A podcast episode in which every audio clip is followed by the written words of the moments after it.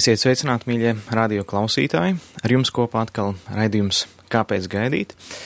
Un šodien studijā esmu es Dainis.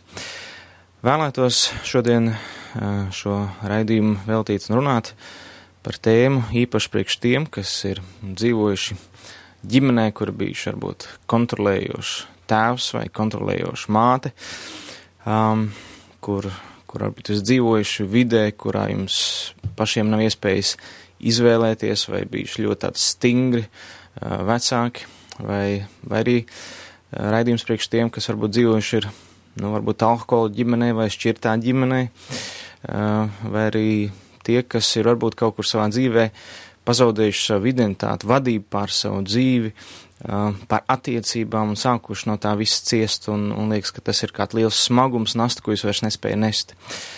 Šo raidījumu gribētu nosaukt par, par eh, veselīgu robežu nospraušanu. Gribētu sākt ar kādu piemēru. Iedomājieties, ir kāds vīrs, kas, eh, kas ir aprecējies, viņam ir sieva, divi bērni, viņš iegūst jaunu darbu, vai iespējams varbūt pat kalpošanu, un viņš ir ļoti viss uzņēmīgs un enerģijas pilns, lai tagad vadītu šo jauno dzīvi.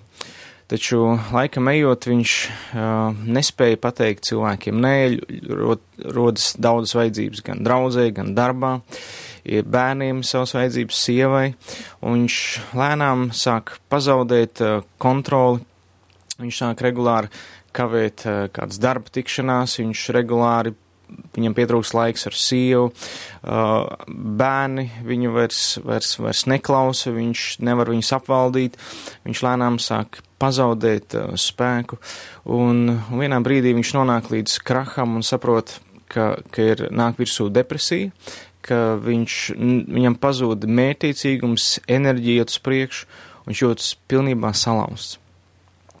Um, problēma var būt, ka viņš nav nospraudis robežas. Vēl kāds piemērs ir kāda meitene, kas um, dzīvojusi um, ģimenē, kur, kur tēvs bijis ļoti, nu, teiksim, valdonīgs un alkoholiķis, un, un, un vairākas reizes, kur šai meitenei ir nācies uh, būt tai, kas uh, kā vidutājs starp tēvu un mammu, mamma saka, aizēj nomierina tēvu, lai viņš nerājas, nedusmojas, uh, viņi sāk uh, dažādos veidos no bailēm, no tēva dusmām. Viņam izpatīk darīt dažādas lietas, iet uz veikalu, nes viņam alkoholu, un tā tālāk un tālāk. Viņai izveidojas tāds raksturs, ka viņam visu laiku grib palīdzēt, izglābt, nomierināt, un tā kā viņa izaug liela, lielāka, viņai sākas attiecības ar puisi, un šim puisim ir līdzīgs raksturs kā tēvam, un lēnām, lēnām viņi aiziet un pārk, pārkāp šo robežu veselīgo, viņi atdod savu nevainību, bet viņš turpina viņu izmantot un draud, ja, ja tu neturpinās to man darīt, es tev atstāšu vienu, un tā tālāk, ko viņa aiziet tādā virpulī un pazaudē visu vis tādu savu iekšējo cieņu un iztukšot un mocās. Abos šajos gadījumos problēma ir robežu nospraušana. Gribētu nedaudz parunāt par to, jo arī Bībelē mēs varam redzēt šo principu, ka Dievs arī nosprauž kādas konkrētas robežas un, un pasaka, kas viņš ir, ko viņš dara un kas ir tas, ko viņš nepieļauj, ko viņš necieš, kas viņam nav patīkams. Kas ir robežu nospraušana? Nu, pirmkārt, vispārīgā nozīmē robežas tā ir, nu, teiksim, līnijas, ja vietas, ar ko mēs atdalām to, kas ir mūsu, no tā, kas nav mūsu. Nu, pieņemsim, ja mums ir privāta īpašums, tad mums ir apkārt sēta vai, vai kāds norobežojums, kas pasaka, ka tā ir mana vieta, līdz ar to automāts tā ir mana atbildība. Mana teritorija, mana atbildība. Nu, pieņemsim, ja manā teritorijā, pieņemsim, nenopļauta zāle, un kaimiņam ir nopļauta zāle. Kurš ir vainīgs par to, ka man nav nopļauta zāle? Kaimiņš, vai ne? Viņš taču būtu labs, viņam vai vajadzētu nākt palīgā un nopļaut zāli. Nē, atbildība ir man. Tā ir mans īpašums, mana atbildība, mana zāle, kas jānopļauj. Un, un tāpat arī bieži vien mūsu dzīvē mēs bieži vien pazaudējam, kur ir mana atbildība un kur nē. Un līdz ar to bieži vien tu vari darīt lietas savā dzīvē, neapzinoties, ka tev tas patiesībā nav jādara. Un cilvēki var izmantot it kā tavu labo sirdi, bet patiesībā tu pazaudē pats sevi. Un robežu nospraušana principā ir, uh, nu, varētu teikt, uh, tavas personības apzināšanās, kur tu esi un kur sākas citi. Ja? Nu, tas veido tavu identitātes apziņu, kas tu esi savā būtībā. Kas ir tas, kas ir tavs, kas ir tas, kas ir tava atbildība, kas ir tas, ko, ko tu dari, un kas ir tas, ko uh, tev nevajag darīt. Uh, nu, pieņemsim, pieņemsim, ja cilvēks uh, strādā darbā, viņam ir darba līgums, un darba līgumā pateikts, kas ir viņu uzdevumi, kas viņam darbā jādara. Bet, ja nāk kāds um, darba kolēģis, kas ir vecāks un pieredzējušāks, viņš saka, uh, nu, tavs darba uzdevums ir, ir, ir arī vēl darīt šo, palīdzēt man, atnest, atnest man kafiju, jo es esmu vecāks, un, un sāks tā saucamā karmijā sauc par ģedovšina. Um, šajā brīdī, ja šis cilvēks paiet zem šī otra cilvēka, iegribām vēlmēm, uh, zinot, ka, nu, labi, iesākumā viņš to palīdz, jo ir labs un tā tālāk, bet tā, vēlāk viņš redz, ka viņš tiek izmantots, un ja viņš neko neizdara, viņš neiet pie savu priekšnieku un pasaka, klau, es nevaru darīt savus darba pienākumus, jo man regulāri piecreiz dienā jātais viņam kafija, un ja viņš to neizdara, viņa paša darba kvalitāte sakristies.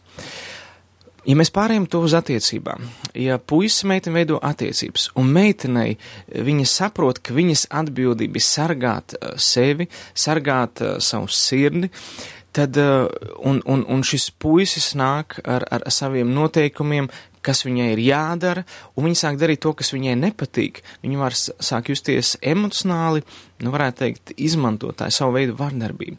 Vai otrādi, kad, eh, kad eh, meitene, ja kaut kādā veidā cenšas puisi pamudināt uz lietām, kas, kas, kas puisim nejādara, vai, teiksim, ģimenē, kur sieva sāk vīru kontrolēt dažādos veidos, kad, kad, kad vīrs netiek galā pats saviem darba pienākumiem. Jā, pēc man šo, pēc man to, aizved mani tur un tā tālāk, un, un, un, un vīram vīrs negribot uh, dzirdēt sievas apvainojumus, tikai viņai pērk, pērk, pērk un pazaudē pats sevi. Un, un, un beigās, uh, kad parādās kāda sieviete, kas sāk respektēt viņu, ka arī viņam var kaut kas būt, pirmā emocionālā laulības pārkāpšana var iet, iesākties. Līdz ar to ir ļoti svarīgi saprast, kur esi tu, kur ir tavs atbildības, un, kas, un kur beidzās tavs atbildības, un kur ir tev jānorāda citiem, nē, tā nav mana atbildība, tā ir tava atbildība. Un ar to tu palīdzi otram iepazīt, kas viņš ir, kur, kur viņam ir, e, kur, kur ir viņa darbība un kas viņam ir jādara. Ja netiek nospraustas robežas, sekas ir varbūt ļoti dažādas e, depresija, nospiestība. Bieži vien cilvēki mēģina depresiju, nu, teiksim, ārstēt ar, ar medicīniskiem līdzekļiem, un ir reiz, ka tas ir ļoti vajadzīgs.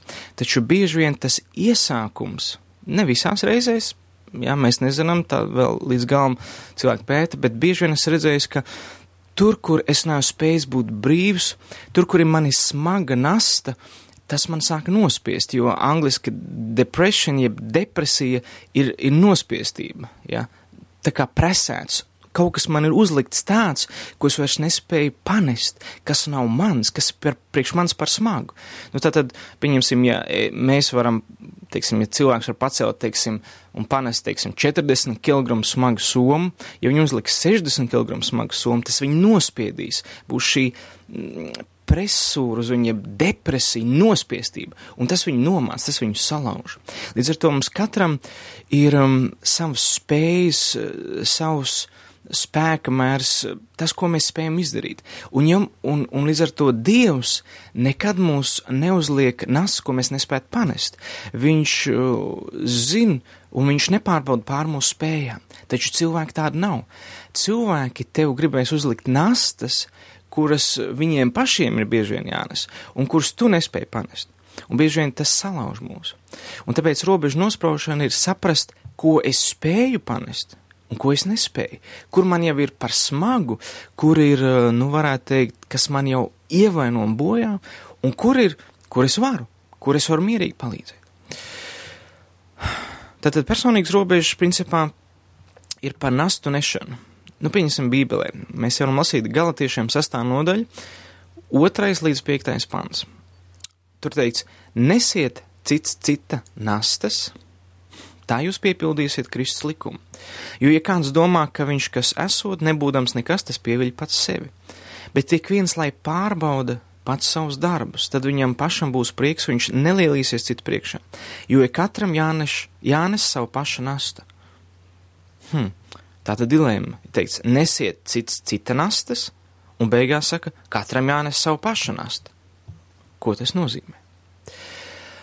Mēs varētu skatīties uz nastu kā uz atbildību.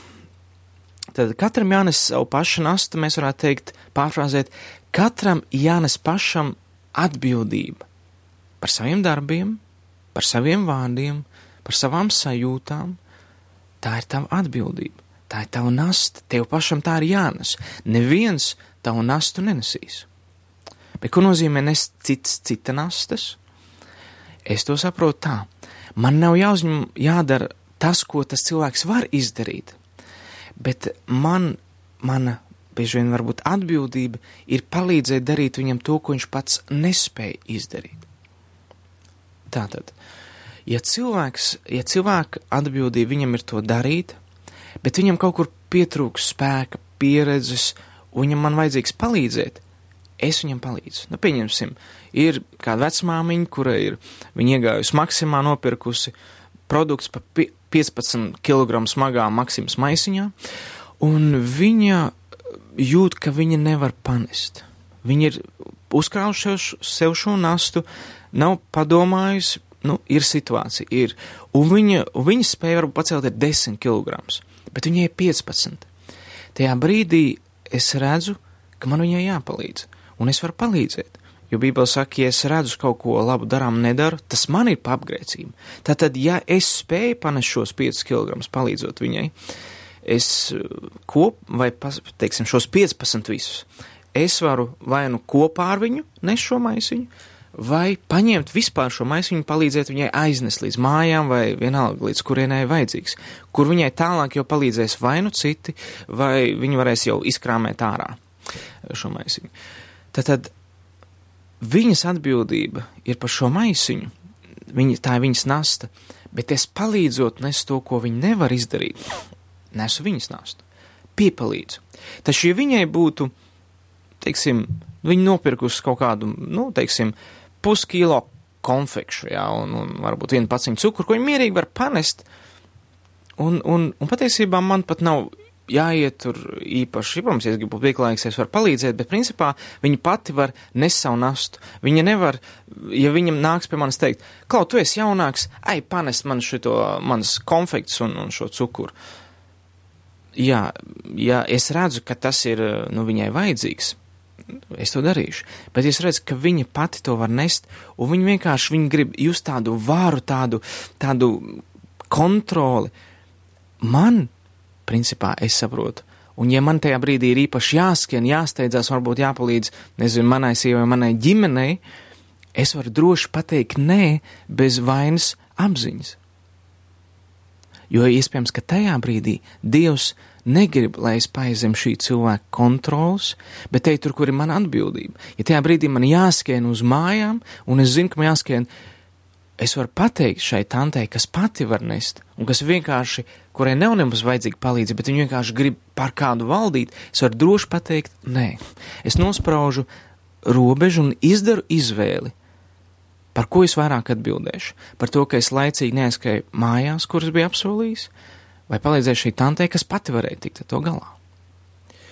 Un redziet, tur nospraust robežas nozīmē pateikt, ko ko, kas, kas man jādara un kas man nav jādara. Pateikt to, ko es varu paciest, ko es nevaru paciest, ko es jūtu, ko es nejūtu, kas man patīk, kas man nepatīk. Dievs radījis tevi un man ar brīvu izvēli.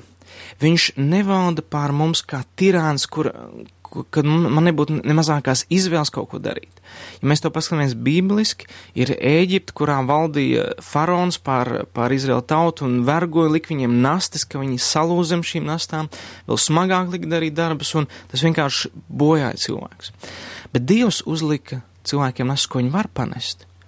Baušļu pildīšanu, uh, uzlika kādas lietas, ko, kas patiesībā šos cilvēkus, nu, pašus patur brīvībā un, kas, un, un tā uzliek viņiem atbildība, ko viņi var darīt, un, un ka viņi to izdara, viņiem ir gandarījums. Robežas, ja tu nospraud robežas un saproti, kas tu esi, kas tu neesi, kas tev jādara, kas nav jādara, palīdz tev labo paturēt iekšpusē un ļauno ārpusē. Tātad cilvēki, kas nespēja nospraust savas personīgās robežas, bieži vien ļauj atkārtoti sevi kontrolēt un sevi ievainot fiziski un emocionāli. Ir kāds cilvēks teicis, ja vīrs pirmajā reizē piekauj sievu, vainīgs ir vīrs. Ja vīrs otrais piekauj sievu, vainīga ir sieva. Hmm. Kā sieva var būt vainīga par to, ka vīrs viņu piekauj?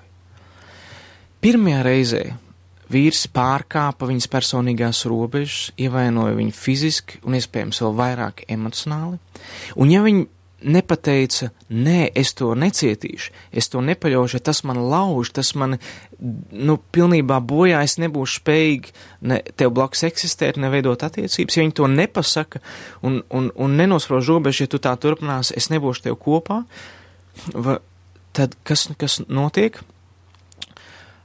Viņš, viņš sāk izmantot un, viņš, un, un viņa ļaunumu ieļau, iel, ielaiž sevī. Viņa ļauj sev vienkārši graut. Tas ir kā pilsēta, kas nav nocietināta, tur sev nepasargā, un ļauj ienaidniekam ienākt, izlaupīt sevi, paņemt to, kas ir dārgs, un aizvest to projām.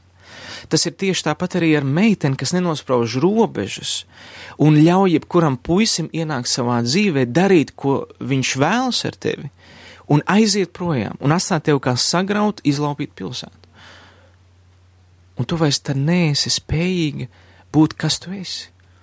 Un, un, un, un tu sāc dzīvot upura, izlaupīta cilvēka um, dzīvi.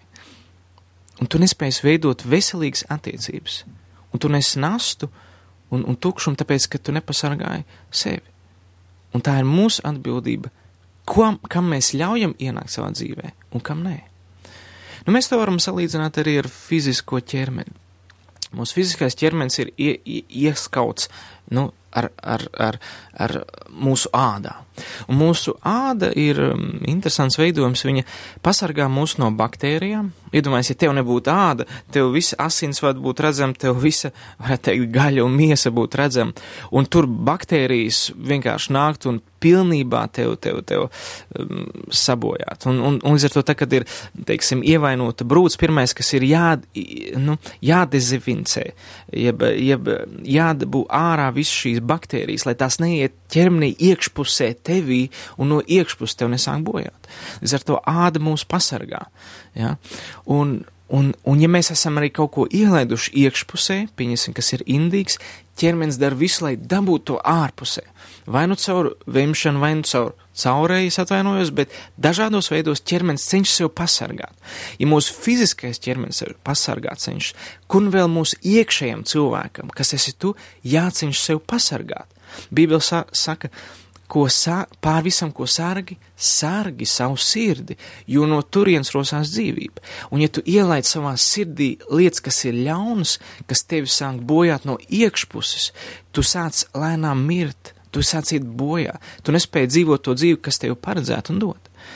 Līdz ar to robežas pasargā tevi, tavu personību, lai tu būtu tas, kas tu esi, un lai tu varētu uh, veidot veselīgas attiecības citiem un palīdzēt citiem.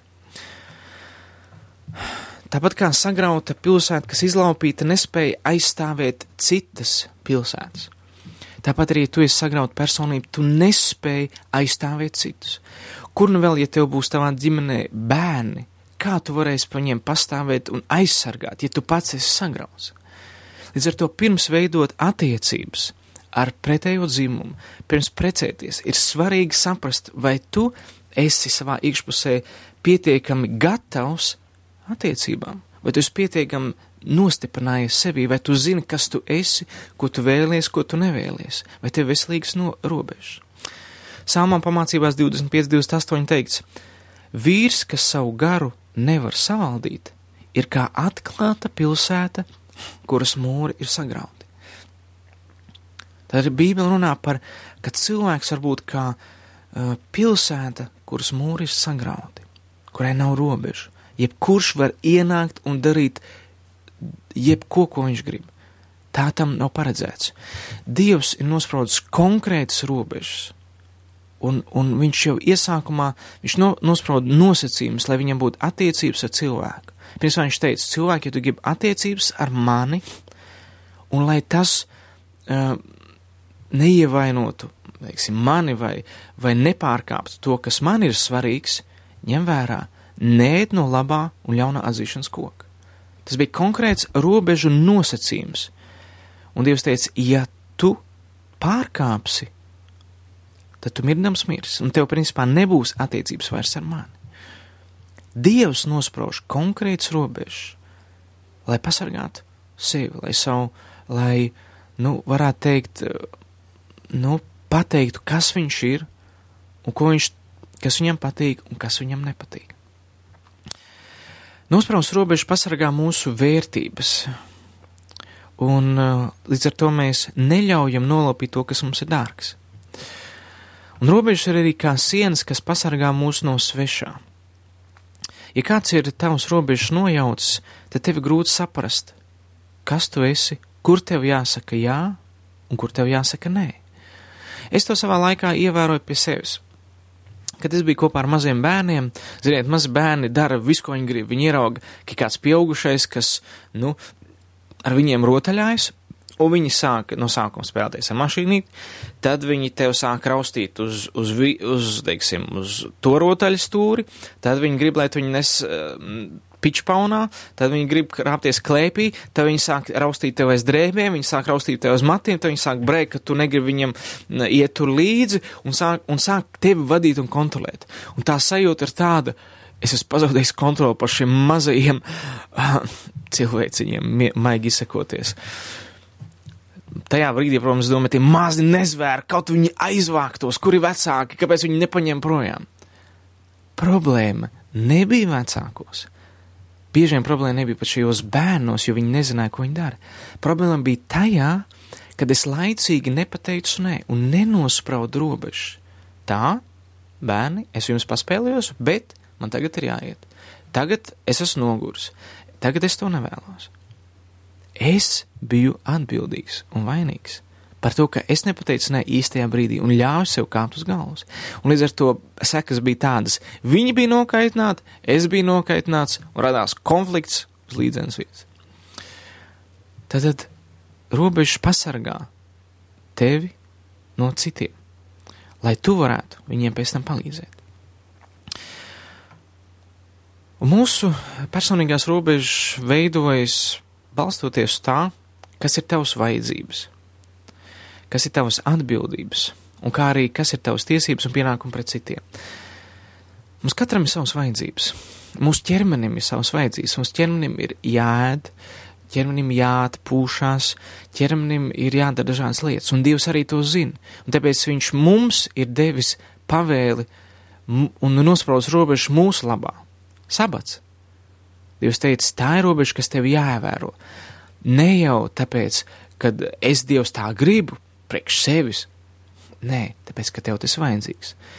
Un, un Bībelē saka, ka sabats ir domāts priekš cilvēka, nevis cilvēks priekš sabata. Cilvēkam ir vajadzīga šī veselīgā robeža, un Dievs to ir ielicis, varētu teikt, kā tādu, nu, likumu, kā tādu pavēli, ka man ir jāievēro sabats. Tas pats ir vajadzīgs mūsu dvēselē. Mūsu dvēselē ir vajadzības. Mūsu dvēselē ir vajadzības. Un ja tu to nesapratīsi, ka tev ir vajadzības, un ja tu un, un nereiķināsies ar to, tu, tu, tu būsi iztukšots un pilnībā izskausts cilvēks, kas nespēs vairs nevienam neko dot.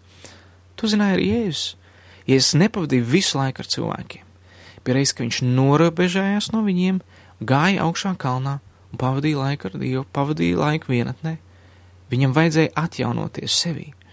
Līdz ar to tev ir, tavā dvēselē ir vajadzība būt pašam kopā ar sevi atjaunot tas, kas tev patīk, piepildīt sevi ar to, um, darīt to, kas tev ir svarīgs, un tev nav jābūt par visu pasaules glābēju. Tu nevari izglābt nevienu cilvēku. Tu vari norādīt uz glābēju, kas ir Kristus, bet tu pats nevari. Līdz ar to, tā kā mums nav veselīgi nospraust robežas, varbūt divas galējības. Viens ir pārāk liela atbildība par visu vai pārāk liela bezatbildība. Nu, kāda var būt pārāk liela uh, atbildība par visu? Man ir jāpalīdz tam cilvēkam, bez manis viņš nespēs dzīvot, uh, viņš uh, noteikti uh, ne, nomirs, ja es viņu nepabarošu, un tā tālāk. Tas notiek bieži vien ar mamām un, un bērniem. Ka mamma visu dara priekš dēla, ne viņš jāpabaro, man viņam jādod nauda, uh, man viņš ir jāizskolo, savādāk viņš jau, uh, esot 30 gadu vecumā, nomirs viens pats, un tā tālāk, un tā tālāk. Tas ir pilnīgs muļķības. Mātei ir jāiemāca bērnam uzņemties atbildību. Viņam pašam ir jāēd. Jā, maz zīdainis nesaprot, viņš ir jābaro, viņam jādod karotīt. Bet tā, ka viņš jau ir pieaudzis, viņš sāk apzināties, ja viņš neēdīs, viņam pašam būs slikti, viņam jāpiedzīvo sekas. Kamēr viņš to nepiedzīvo, viņš nesāks kļūt patstāvīgs. Un interesanti, ka mūsu personīgās robežas sāk veidoties tikai tad, um, un viņas, principā, jāsāk nosprauž tad, kad mums izveidojas šī tuvība. Mēs varam pastīties uh, uz bērnu un mātes attiecībām vai bērnu un vecāku attiecībām. Iesākumā bērns ir pilnībā vienots ar, savu, ar mammu, pilnībā vienots gan, gan fiziski, gan viņš jūt to, ko mamma jūt viņas ķermenī, māsas ķermenī. Un viņš pilnībā sevi nespēja apzināties nošķirt no mammas, viņš jūtas pilnīgi kā viens ar mammu. Tā kā viņš piedzimst un pienāk, nu, teiksim, divu gadu vecums, viņš sāk apzināties, hei, es neesmu mamma. Uh, man nepatīk viss, ko mamma dara. Es negribu visu, ko darīt, to, ko mamma liek man darīt. Un, un citi to sauc grūtais divgarnieku vecums. Bet īstenībā tas ir fantastisks vecums, jo sāk veidoties jauna personība. Un man patīk šis teiciens, mēs visi piedzimstam kā oriģināli, bet nereti nomirstam kā kopijas, jo neatrodam sevi. Līdz ar to tad, kad bērns sāk apzināties, hei, viņš ir, ne, viņš ir principā cita personība, kas nav mamma, veidojas jauna, oriģināla personība. Un, un tas ir normāli, ka bērns sāk saprast, hei, es esmu neatkarīgs nedaudz, es, es esmu citādāks, es varu gribēt kaut ko citu. Un, un līdz ar to vecākiem jāpalīdz bērnam apzināties viņu identitāti, ka viņš nav pilnīgi savienots ar, ar, ar vecākiem vairs. Viņam pašam jāsāk uzņemties atbildību par saviem lēmumiem, par saviem darbiem, par saviem vārdiem. Un, un tā, kad bērns jau aug lielāks, viņš nonāk tīņu vecumā, tad viņš sāk pilnībā ieraudzīt. Fuh, es vispār nepiekrītu tam, ko vecāks saka. Es vispār negribu dzirdēt, ko teikt man vecāks saka. Un viņā sāk veidoties lēnām pieauguša personība. Un vēlāk, kad viņš jau sasniedz 18, 20 gadu vecumu, varbūt jau meitenēm 16 gadu vecumu, viņš ir ļoti tuvu robežai pats sāk veidot neatkarīgu dzīvi. Un tas ir veidojies tāpēc, ka bijuši veselīgas, mīlestības pilnas, tuvas ciešas attiecības dzīves iesākumā. Un te, kad ir šī veselīgā atmosfēra, kad, kad vecāki mīl, ka viņi respektē šo bērnu izvēles, māca, kur nav pareizi, kur ir bērnam jānožēlo, kur viņš ir pārkāpis citu robežu, bēr, vecākiem jāiemāca respekt pret citiem, respektēt citu robežas, līdz ar to, nu, palīdz atšķirt, kur bērns ir vainīgs, kur viņš nav vainīgs.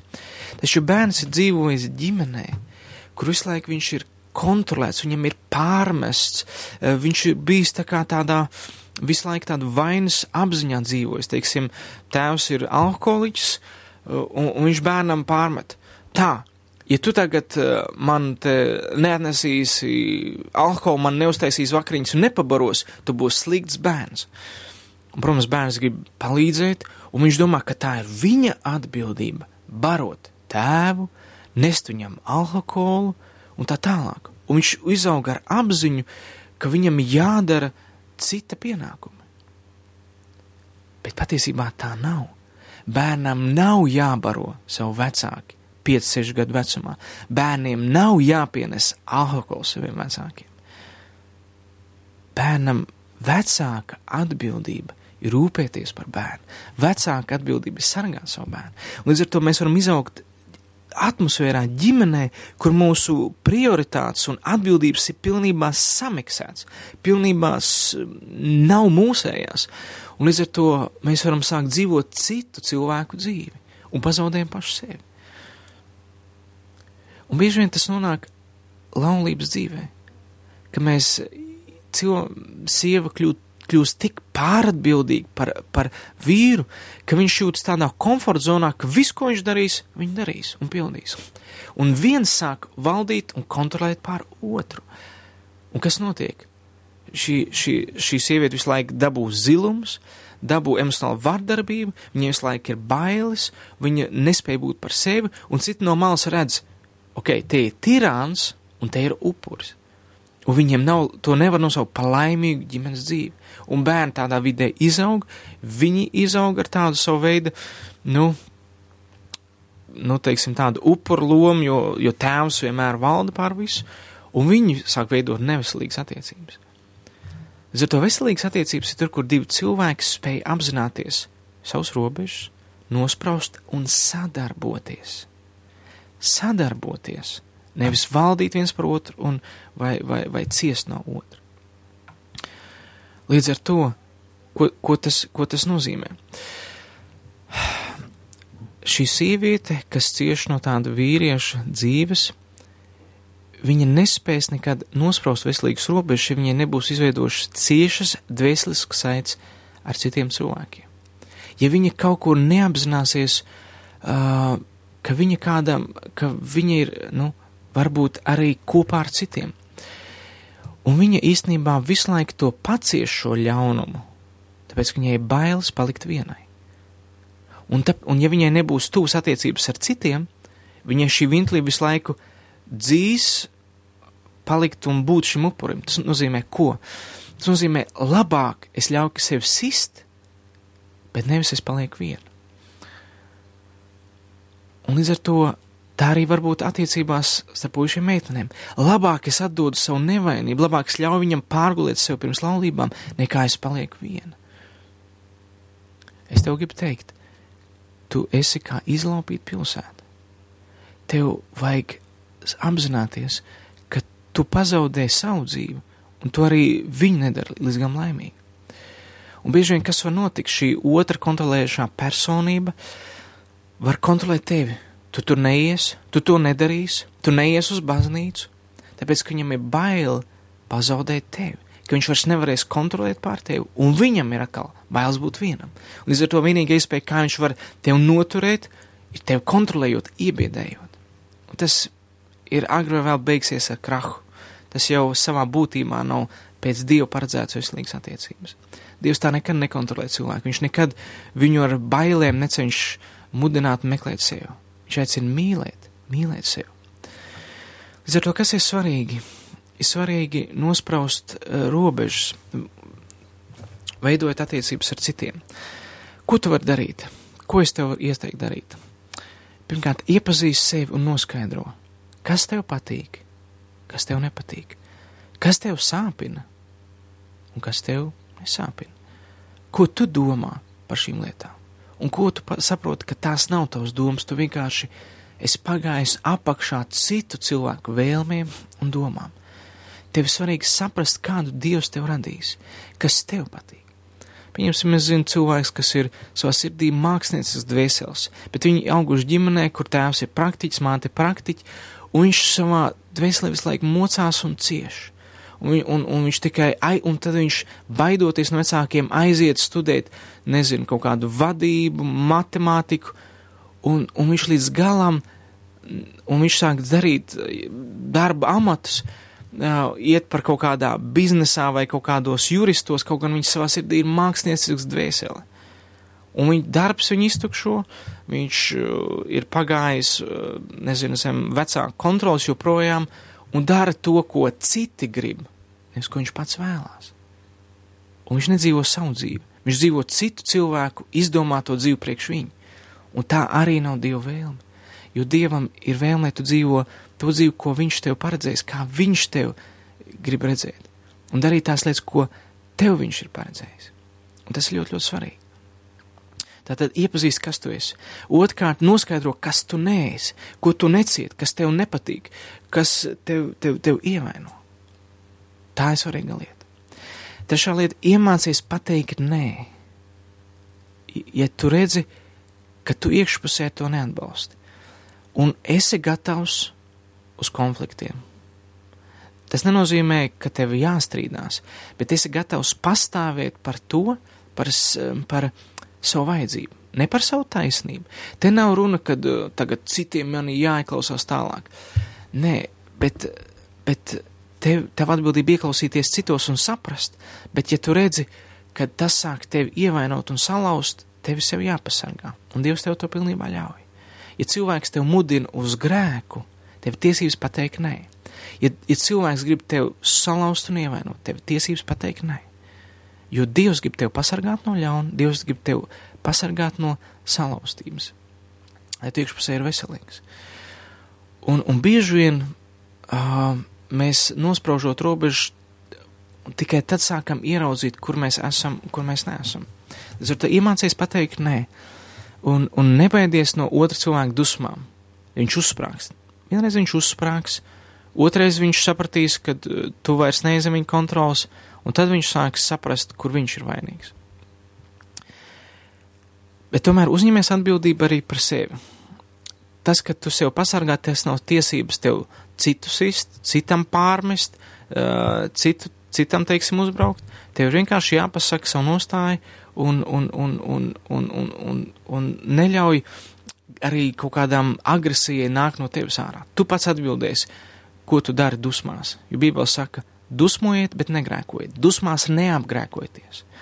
Ja? Tad ir svarīgi, ka tu nesāc grēkot, sev aizstāvot. Nākamā lieta - beidz tēlot upuru un visu glābēju. Tu nevari izglābt to cilvēku, tu nevari viņu izmainīt. Nospraud robežas, ļaut tam cilvēkam piedzīvot sekas, un tad viņš sāks mainīties. Es atceros, kad, kad, kad es biju sāku veidot attiecības ar savu sievu, Viņa vēl nebija un sīva.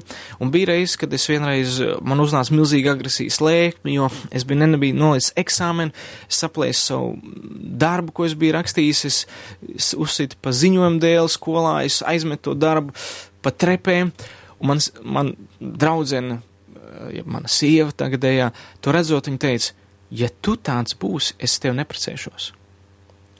Un es sapratu, ka man ir nospraust robežu un man bija jātiek galā ar savām dusmām un agresiju.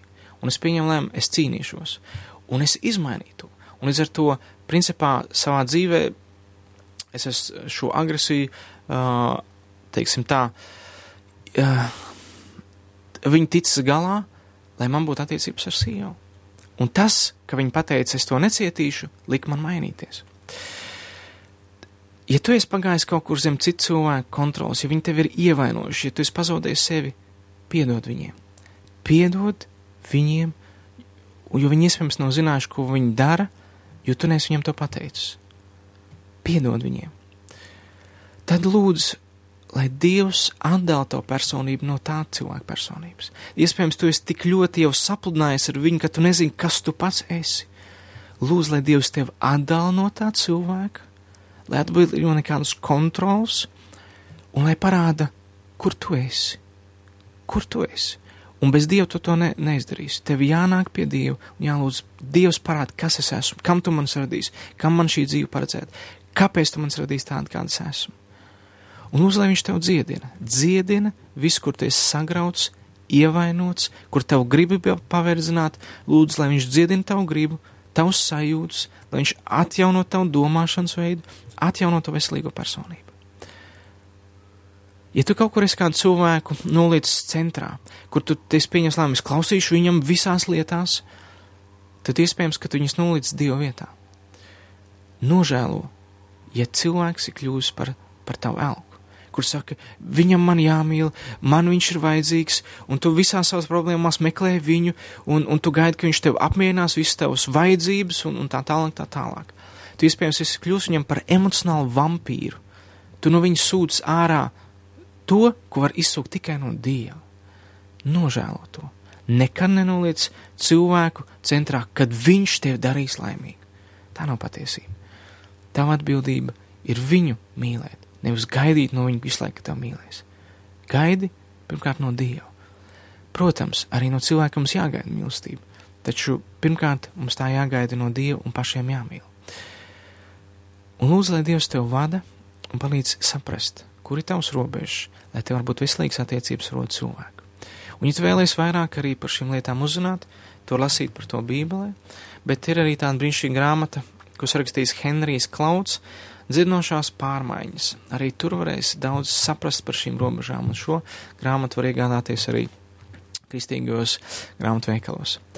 Es novēlu tev svētību, es vēlos, lai tu būtu veselīga personība, brīva personība, ar kuru Dievs sadarbojās un ko cits cilvēks sadarbojās. Un tad tavs attiecības būs veselīgas, tu nebūsi salauzts, tev būs pašam savs spēks pildīt savas atbildības, un tu varēsi citiem arī palīdzēt. Lai Dievs ar tevi un tevi svētī, un jums bija kopā raidījums, kāpēc gaidīt uz redzēšanos.